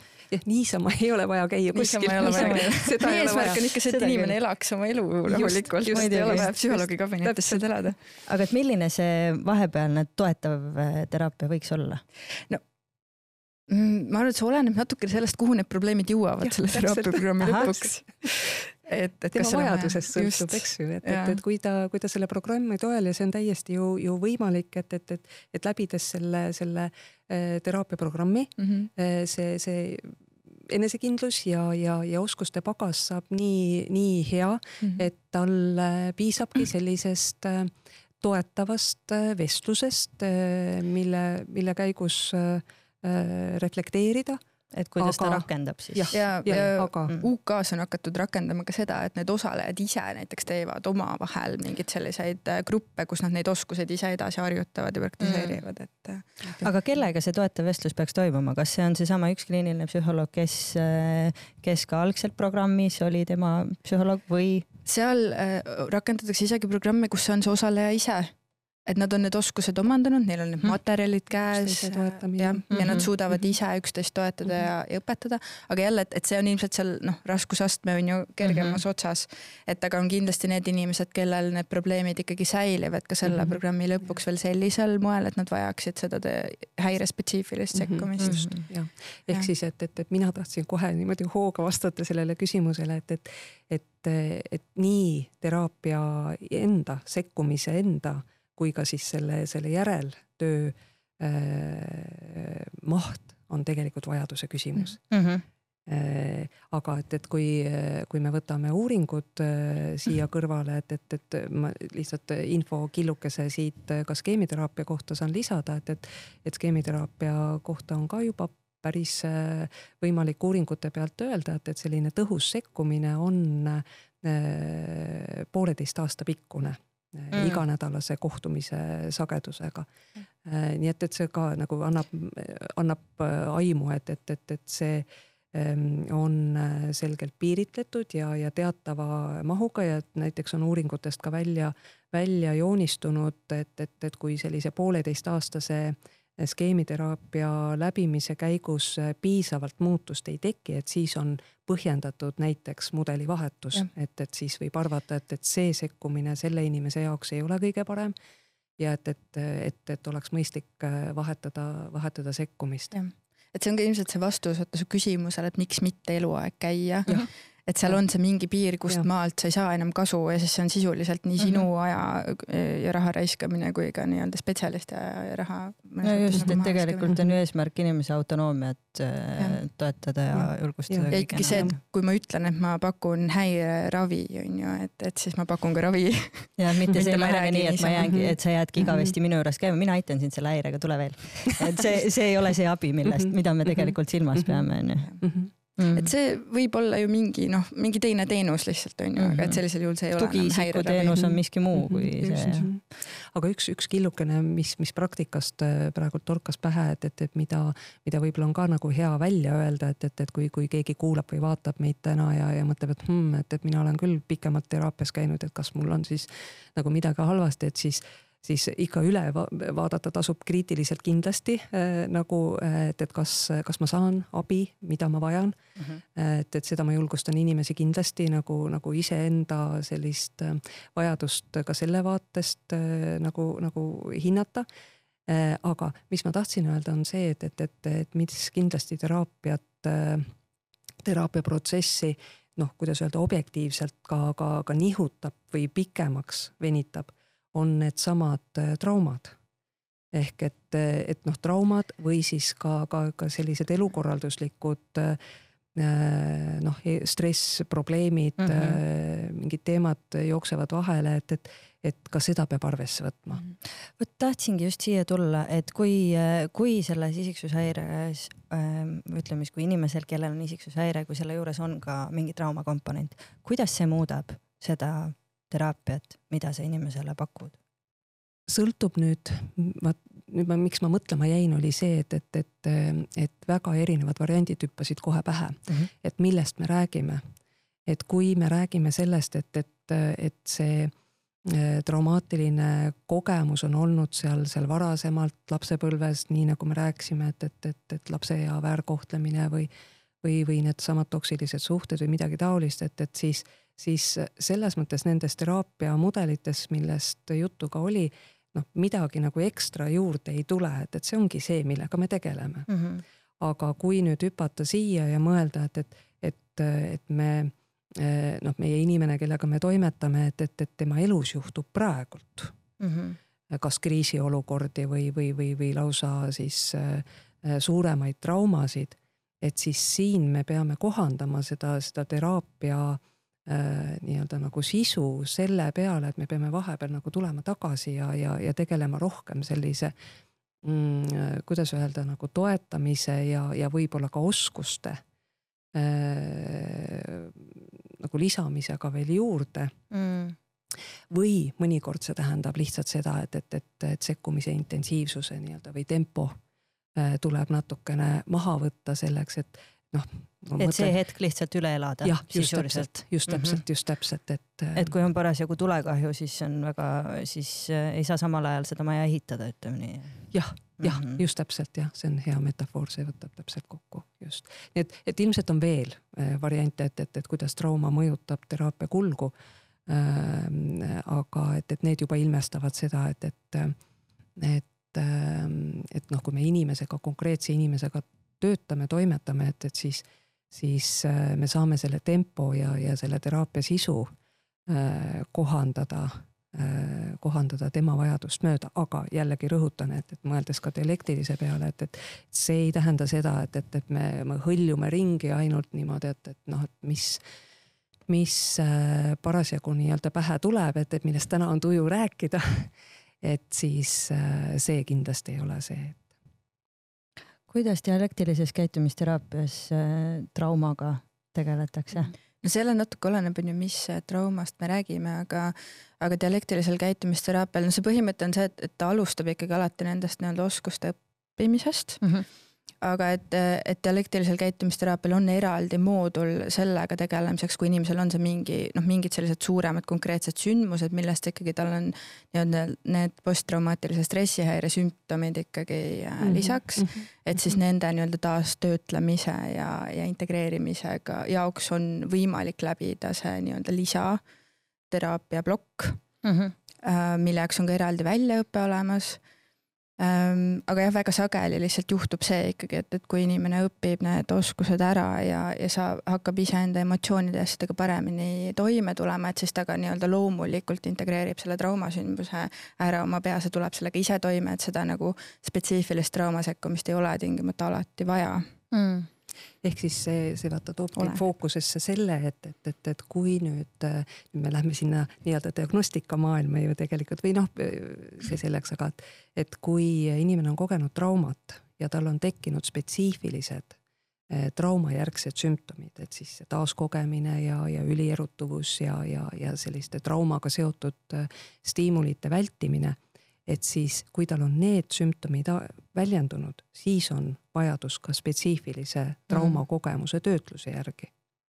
see just, millest sa rääkisid mm. -hmm aga et, et kui see, kui see trauma mõju on, on teistsugusem, ehk siis neid nimetatud sümptome esiplaanil ei ole häirival moel, subjektiivsel tasandil häirival moel, siis, siis, siis me liigume nii-öelda sellise, kuidas siis öelda, tavapärase mm -hmm. sekkumisega mm. -hmm. et siis noh, see tavapärane tähendabki jällegi seda, et, et, et laias laastus kõige lihtsamalt öeldes inimese toimetulekuoskuste omandamine mm, -hmm. strateegiate omandamine. Nende probleemidega, mis on, on ju.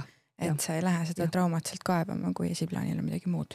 jah mm -hmm., just, just, just, just ehm, nagu me aru saime, siis äh, erinevaid lähenemisi, mis võivad isiksushäiret, häire, kas, kas siis üldse on kohane öelda isiksushäirete või nüüd edaspidi peakski ütlema isiksushäire? jah, ma ütleks ainsuses. on ju? ahah, et me ei pea rääkima kümnest kategooriast mm, -hmm. selge, et mind ei aita, kui keegi ütleb, ma, kui ma saan teada, et ma olen hist-, histriooniline ja ma peaks vähem flirtima, noh et see on naljakas. no vot, see on naljakas tõepoolest, et kuidas nendes kümnes erinevas mm -hmm. kategoorias, et kuidas need kirjeldusedki on tegelikult tihti noh, väga sildistavad mm. -hmm. see kirjeldus ise on selline, et, et Mhm. see kinnistab mingit noh, tõesti soorolle näiteks ja nii edasi, et see on tõesti üllatav.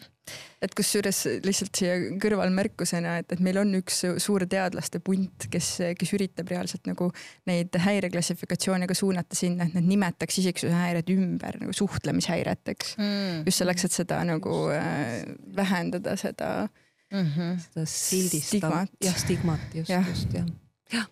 et see ei oleks ilmselt halb mõte. ei ole absoluutselt, absoluutselt. aga et kas dialektiline käitumisteraapia on konkreetselt isiksushäire ähm, raviks välja arendatud, kuigi me, nagu me aru saime, noh, erinevad met metoodikad saavad pakkuda ka tuge. kas see on nüüd selle häire spetsiifiline ei, ta ei ole ainus selle häire spetsiifiline mm.? lihtsalt see teraapia loodi selle mõttega, et, et ta raviks seda probleemistikku ja kuna ta loodi Mhm. üheksakümnendate mm -hmm. algusel, siis see noh, siht tol hetkel oli see diagnostiline klaster, mis oli piirialane isiksuse häire mm. -hmm. et praegu me pigem nagu ei seo teda jälle konkreetse häire kategooriaga, et teda rakendatakse väga paljude psüühikahäirete ravis, et lihtsalt see sekkumiskoht on sinna emotsiooniregulatsiooni raskusesse just mm. -hmm. Ähm, ja, ja noh, praktilise poole pealt vaadates, et, et need mõlemad teraapiad, millest me praegult räägime, on nagu ma ütlesin, mahukad mm. -hmm. et sinna läheb äh, nagu sisendit äh, päris palju ja kui nüüd niimoodi väga lihtsa äh, nagu lähenemisega, et siis kui äh, inimese raskused äh,, probleemid on ähm, väheintensiivsed ja, ja et, et, et, et need ei häiri teda olulisel moel, siis ei ole ka mitte mingisugust mõtet nii mahukat sekkumist hakata rakendama ei talle Mm. endale ega ka, ka, ka, ka sekkumise poole pealt vaadates. nii et, et sealt äh, tuleb ka see, see, see, kuidas öelda nagu see erisus sisse, et, et et kui, äh, kui need raskused on, on rohkem väljendunud, siis, siis on mõttekas ka, ka, ka sellise mahukama teraapia Mm. poole vaadata. Et me ei ürita nagu paaniliselt normeerida, vaid tegelikult teraapia peab, vastama inimese Mhm. enda vajadusele. jah, ma tahaks öelda, et skeemiteraapia on ju päris hea näide sellest, ma arvan, kas see on äkki sellepärast, et ta on uuem, sest ega ta ju sisuliselt on ka mõeldud selliste probleemide raviks. lihtsalt ta ei ole kunagi olnud nii seotud selle diagnoosiga, et me just ravime Mm. isiksuse häireid või no mingis mõttes ikkagi Ikka on, sest on. skeemiteraapia äh, minu autor peas lihtsalt. ja, ja vaata, vaata skeemiteraapia looja ju tegelikult on ise väga selgelt deklareerinud, et, et, et tema lõi selle, selle mudeli ka mõeldes äh, piirialase isiksuse No, häire peale. just. et tegelikult just, et see on ka oluline, et skeemiteraapia on ka ikkagi disainitud nende häirete jaoks ja neid äh, teraapiasuundi on veel, Veel, neid on jah, väga palju. miks me nendest kahest võib-olla räägime, on see, et need on Eestis kättesaadavad. ja, ja, ahaa, aga Jah. kas on mõni selline, sest on teada, et paljude häirete puhul on nii, et maailmas on veel mingisuguseid eh, teraapiasuundi, mis võivad olla ka tõendatult kõige efektiivsemad, mida Eestis veel ei rakendata. Kuidas isiksushäirete valdkonnas on, kas on mõni selline teraapia valdkond, mille kohta te mõtlete, et millal see ometi siia jõuab või see ongi see töö tegelikult, Mare-Liisa, mida sina teed, et sa oled seda siia toonud? ei, mitte päris, ma tahaks öelda, et need põhiteraapiad on ikkagi needsamad kaks mm, Mhm. -hmm. me oleme kõige olulisemad saanud Eestis. mis võib-olla veel on nagu levinud, on seesama mentalisatsioonipõhine Just. teraapia, mida Eestis ei ole, aga mida mujal Euroopas tehakse väga palju. Saad sa korrata, mentalisatsiooni? mentalisatsiooni. Mida see tähendab? ja see sisuliselt õpetab nagu seda, et kuidas teistest inimestest paremini aru saada, mis enda peas toimub, nagu sellist empaatiavõimet.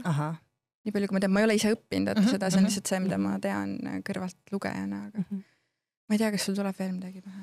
ei tule Mul jah. ka ei tule praegu. nii et seis ei ole halb, võib ei öelda ole.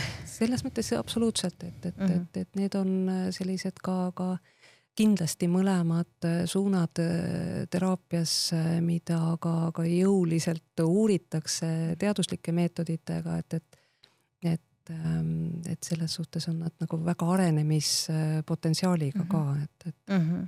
Et see on tõesti jah olnud nende fookus on ju, et me ei tee nagu suvaliselt midagi, et äkki toimib, vaid et see, see uurimine ja see tagasiside mehhanism, et mis, mis abi me andsime ja kuidas selle inimese elu paremaks läks, et see on sinna teraapiatesse ikka sisse ehitatud.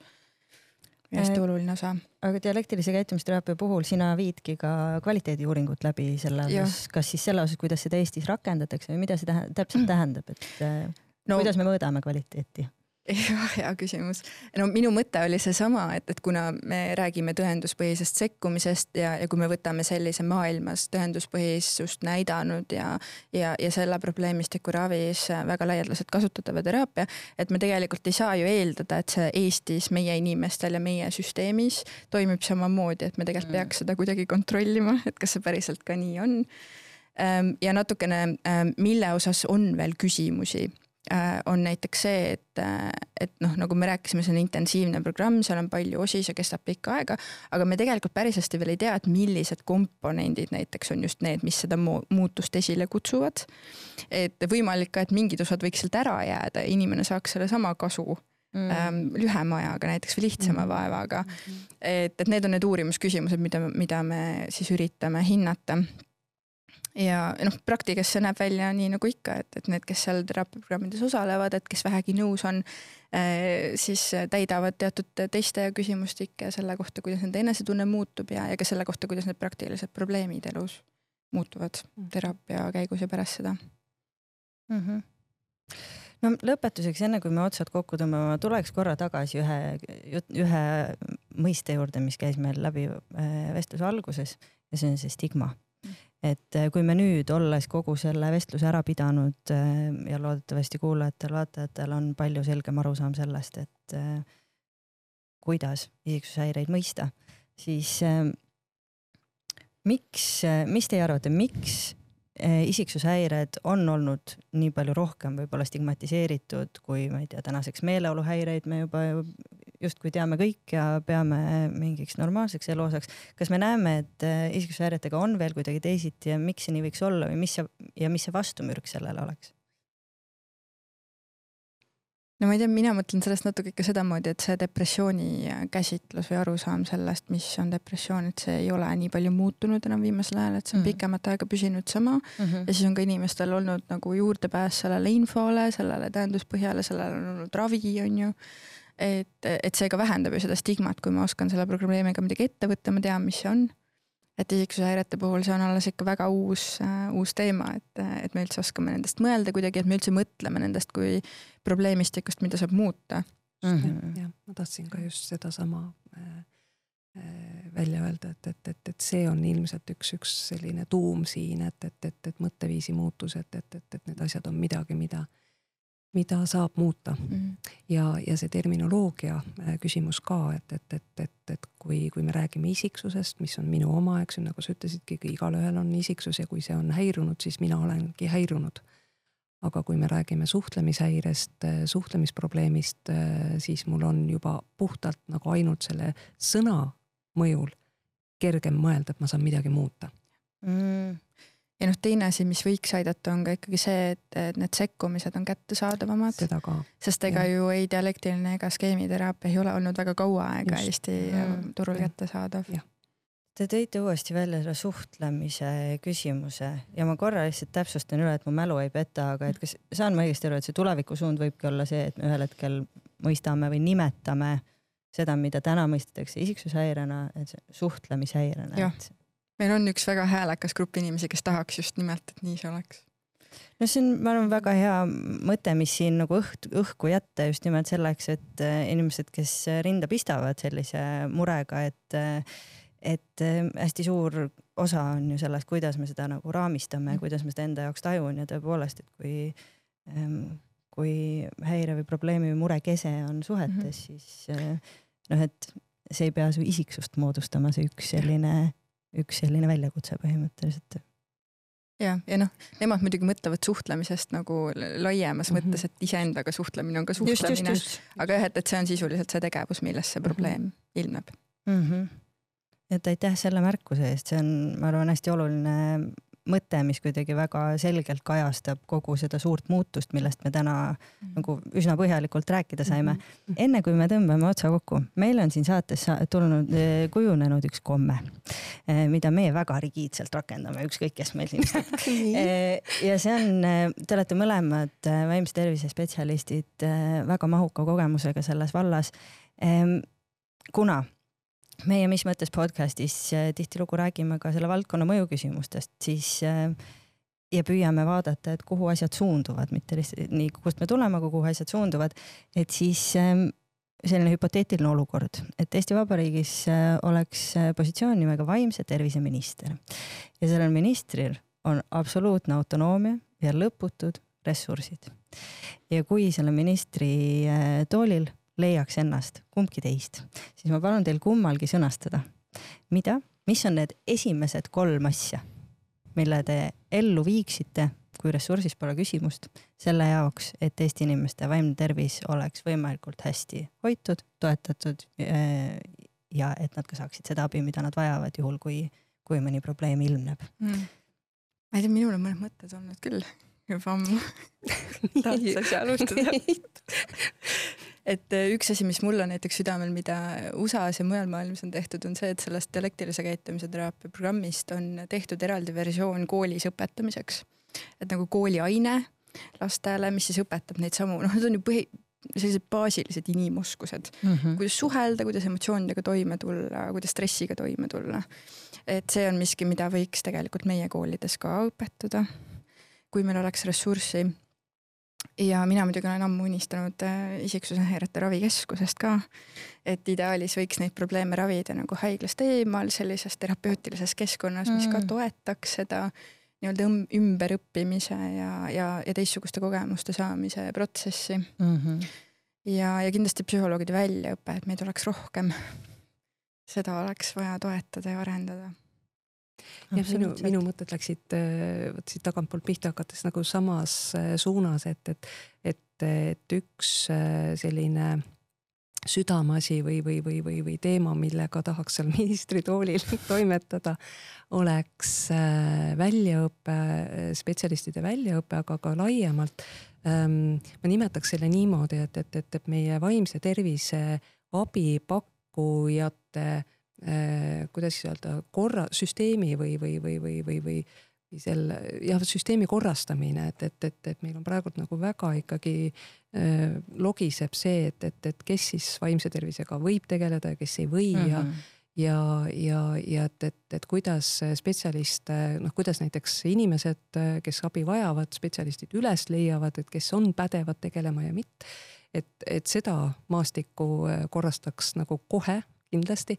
ja teine teema, mis haakus sinna, et, et, et ähm, kuidas ma selle nüüd niimoodi kokku võtan ähm,. selle abisüsteemi mm, ühtlustamine äkki või et, et mõte, mõte on see, et, et, et, et praegult ähm, äh, kui kliendi vaates või, või patsiendi vaates nagu seda, seda süsteemi seirata, et siis see näeb välja nagu üksikute tornidega süsteem, et, et ma sisenen mm. ühte, sealt saan ma midagi, siis ma tulen sealt välja, siis ma hakkan uuesti ringi vaatama, et kuhu. et minu unistus äh, oleks see, et, et, et, et kui, kui inimene siseneb äh, kuskilt uksest, et siis see ei ole niimoodi, et, et, et see on üks torn, vaid et ta siseneb hoonesse, suurde hoonesse mm, -hmm. kus on erinevad osakonnad ja et, et, et ta oleks noh, kuidas öelda, käsitletud nii-öelda tervikuna mm. -hmm.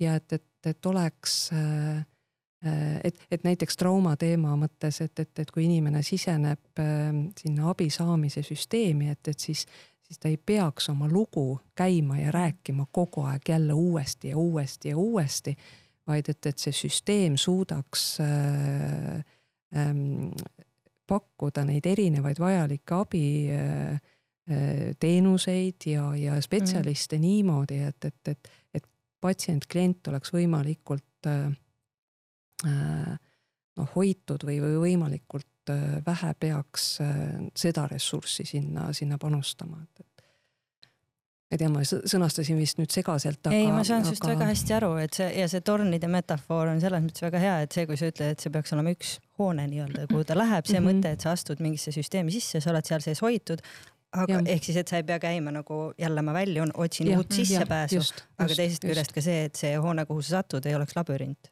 jah, seda ka. et ma ei peaks seal sees ja. nagu ja. orienteeruma ja leidma ennast kogu aeg mingi seina vastast, vaid et see oleks lihtsasti just, just. nagu selle inimese järgi kujundatud onju. jah, jah mm -hmm., jah aitäh teile nende väga ilusate mõtete eest ja Kaia, sinu viimased mõtted haakusid väga hästi ka meie eelmise episoodiga, sest äh, meie eelmises episoodis oli meil külas Anniki Lai Vastne, Sotsiaalministeeriumi mm. terviseala äh, asekantsler ja senine vaimse tervise osakonna juht Eh, nii et kui eh, meie head vaatajad-kuulajad ei ole veel seda episoodi kuulanud, siis soovitan selle väga järgi kuulata, sest seal saame me teada ka sellest, et mis siis tegelikult plaanis on ja mul on hea meel eh, tõdeda, et väga paljud mm, sinu välja toodud nagu mõtted tegelikult väga haakuvad nende tegevussuundadega, millega Sotsiaalministeerium tegeleb. aga selge see, et nagu öeldud, süsteemid on aeglased, eks me kõik mm -hmm. hoiame pöialt, et nad liiguksid võimalikult kiiresti suur-suur aitäh teile mõlemale, et te täna stuudiosse tulite ja, ja selle teema lahti võtsite. aitäh kutsumast. mulle tundub, et see töö, mis tehtud sai, on, on hästi oluline just nimelt sellepärast, et kui meil on üks selline suhteliselt lai mm, nagu häirete, kuidas me siis ütleme klaster, ei, ma ei võigi klaster öelda enam, aga et kui meil on isiksushäire, isiksushäire ja selle kohta tegelikult ei ole noh, mitte ainult, et ei ole eestikeelset tõenduspõhist kaasaegset nagu informatsiooni, vaid äh, vaid et ka mina, kes ma teen oma kodutöö selles inglisekeelses nagu ruumis, saan, saan ka rahvusvahelisest teadmisest ikkagi nagu vananenud teadmise kätte. kui ma just ei loe viimast teadusartiklit, et siis mulle tundub, et see on äh, hästi oluline, et me oleme siin äh, selle pooleteist tunni jooksul äh, selle teema eesti keeles lahti rääkinud, nii et ta on lihtsasti kuulatav. nii et äh, loodame. suur tänu teile, head kuulajad-vaatajad, ma väga loodan, et tänane vestlus äh, andis teile uusi mõtteid, andis teile vastuseid, aga võib-olla ka uusi küsimusi. juhul, kui see nii on, siis äh, meie head kõnelejad ehk lisavad mõned lingid oma täna viidatud materjalidele selle episoodi juurde. olge head, kasutage neid, uurige edasi ehm, minu nimi on Marta, te kuulasite Mis mõttes podcasti ja minu külalisteks täna olid Marja-Liisa Oidsalu ja Kaia Kastepõld-Tõrs, mõlemad kliinilised psühholoogid, aga natukene erinevate fookustega, ehk siis rääkisime täna isiksushäiretest ja traumast ja ka nende omavahelisest seosest. aitäh, et kuulasite selle saate ära kohtume teiega juba järgmisel nädalal järgmises Mis mõttes episoodis, mis nagu te juba teate, on Erasmus plussi poolt toetatud ja Stories for Impacti poolt ellu kutsutud ja nagu ikka, on meil siin saates teemaks vaimne tervis, aga iga kord natukene erineva nurga alt ja erinevate kõnelejatega. nii et kohtumiseni juba järgmises saates ja aitäh teile.